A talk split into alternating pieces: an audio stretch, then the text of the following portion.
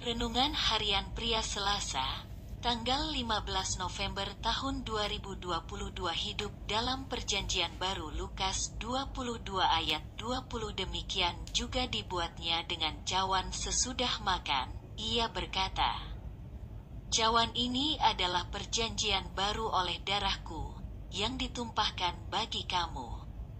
Sebelum Yesus disalibkan, ia makan Paskah bersama murid-muridnya.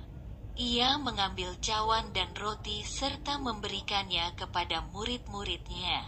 Yesus mengatakan kepada mereka bahwa cawan itu adalah perjanjian baru oleh darahnya. Berarti sebelum perjanjian baru, ada perjanjian lama. Apa bedanya perjanjian lama dengan perjanjian baru? Perjanjian lama adalah perjanjian yang dibuat Allah terhadap bangsa Israel dengan menggunakan darah binatang.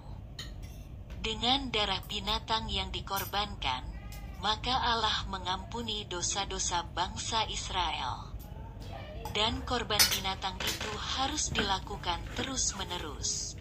Sedangkan dalam perjanjian baru, Allah membuat perjanjian dengan mereka dengan darah Yesus dan korban Yesus itu dilakukan satu kali untuk selama-lamanya.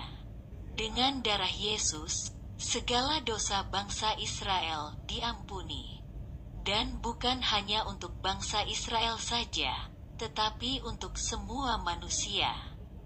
Puji Tuhan, di dalam Kristus, Anda dan saya tidak ada di dalam perjanjian lama, tetapi sudah ada di dalam perjanjian baru.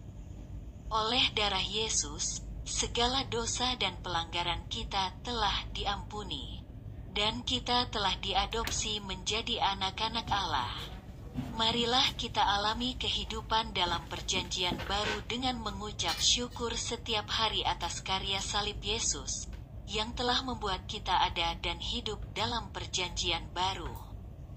Refleksi diri, apa yang firman Tuhan katakan kepada Anda?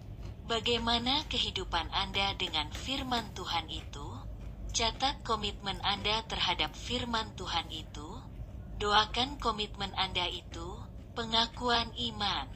Terima kasih Yesus buat kasihmu yang membuat saya ada dan hidup dalam perjanjian baru oleh darahmu.